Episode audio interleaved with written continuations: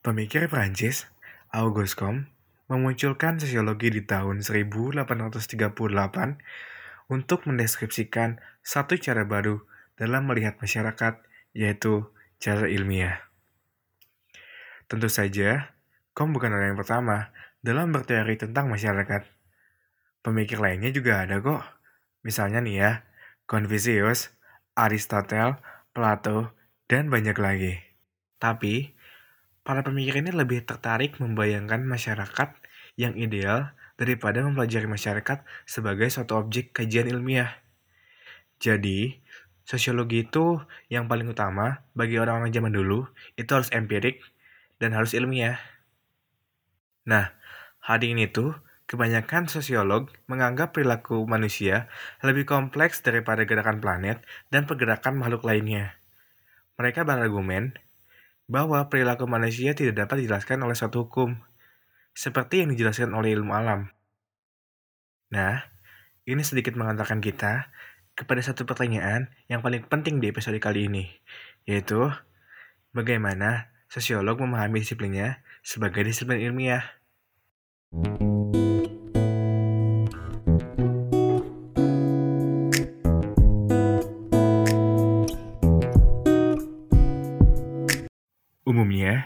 kebanyakan orang akan mengasosiasikan sains dengan matematika, prediksi, dan eksperimen.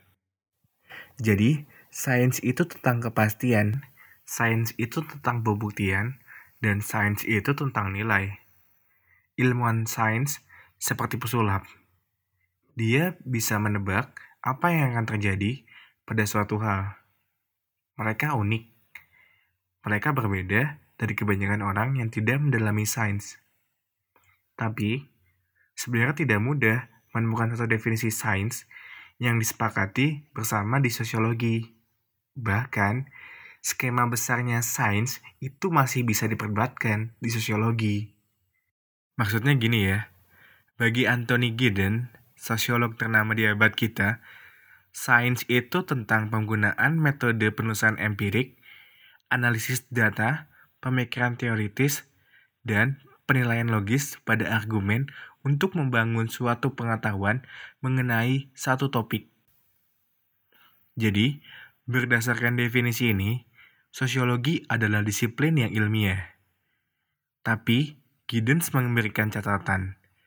Sains yang dianut sosiologi itu tidak sama dengan sains alam.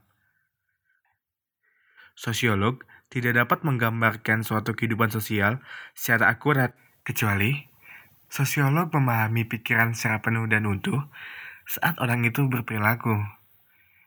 Pertanyaannya adalah, mungkin gak sosiolog dapat menangkap pikiran manusia lainnya secara utuh? Ya jelas gak mungkin lah. Jadi, sosiologi itu gak akan mungkin sejangkep ilmu alam. Nah, pertanyaan itu mungkin aja ngerugiin sosiologi ya. Tapi, bagi Giddens itu menguntungkan. Karena kita dapat mempelajari orang-orang dengan cara yang lebih dalam. Nah, masalah yang dihadapi oleh sosiolog adalah perubahan perilaku saat yang diteliti itu sadar sedang diobservasi. Terkadang, kehadiran peneliti itu dapat merubah perilaku normalnya dari orang yang diteliti. Ya bayangin aja, kamu tahu dan diri kamu tahu kamu sedang diawasi oleh orang lain. Kamu lagi dipelajari perilakunya. Kamu lagi dipelajari logikanya sama orang lain. Ya, kita pasti bakal self-aware lah. Lalu, kita ambil jarak. Hal itu bisa juga terjadi dalam penelitian sosiologi. Nah, lagi-lagi, beda sosiolog, beda jawabannya pula. Rosemary Hofcroft misalnya, dia nggak nyebutin kendala yang Gideon sebutkan. Bagi Hofcroft, Sosiologi dapat disebut sains jika menggunakan metode ilmiah.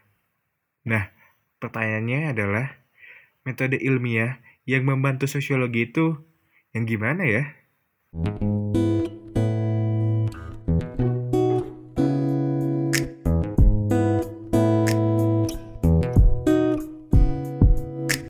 Rosemary Hofcroft menjawab seperti ini. Metode ilmiah yang membantu sosiologi itu adalah metode ilmiah yang sesuai dengan langkah-langkah di diagram Wheel of Science Nah, diagram ini tuh menunjukkan langkah-langkah berikut. Satu, membuat teori atas suatu fenomena. Dua, menarik hipotesis dari teori itu. Tiga, menguji hipotesis dari hasil observasi. Empat, menarik kesimpulan yang relevan dari teori tadi. Kerja metode ilmiah itu akan kembali ke teori lagi. Jadi, dalam melakukan penerapan sosiologi ilmiah, kamu bisa memenuhi langkah dari nomor berapapun. Yang penting, harus balik lagi ke langkah nomor satu. Misalnya begini, kamu mengamati di suatu organisasi tampak lebih demokratis ketimbang di organisasi lainnya. Kamu bisa ambil dugaan teoritik dari situ, tentang kenapa bisa terjadi seperti itu. Kamu dapat tarik hipotesis. Nah, hipotesis ini kemudian diujikan berdasarkan hasil pengujian. Kamu dapat menarik kesimpulan teoritik, apakah hasilnya mendukung atau malah menggugurkan teori tadi. Nah, itu yang bakal keluar. Dan balik lagi ke langkah nomor satu. Nah, menurut rangkuman Hofcroft, penelitian sosiologi yang bagus itu, satu, bisa menghasilkan hipotesis, dua, nggak bertentangan dengan teori-teori yang ada di tingkat berbeda. Itu tuh baru dua sosiolog. Giddens menekankan humanistik dan Hofcroft menekankan polarodescence dan pengujian teoritik. Ada loh yang memahami bahwa sosiologi itu nggak mungkin ilmiah. Salah satu kelompok yang menyuarakan ini biasanya dikenal dengan kelompok postmodernis. Nah, postmodernis ini mengatakan para peneliti itu selalu berada di dalam budaya tertentu dan kita semua belajar asumsi dan nilai-nilai masyarakat di sekitar kita.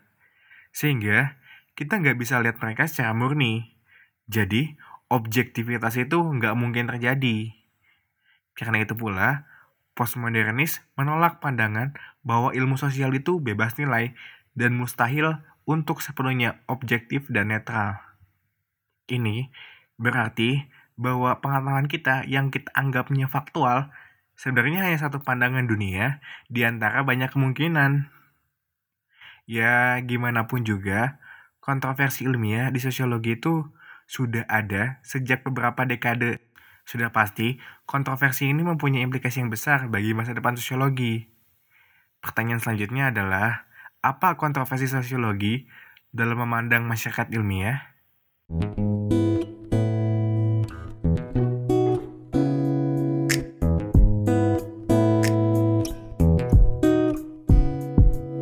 Menurut definisi, masyarakat ilmiah adalah para akademisi dalam masyarakat yang berpikir, bekerja, dan menjalankan aktivitas pikiran yang berlandaskan tradisi keilmuan.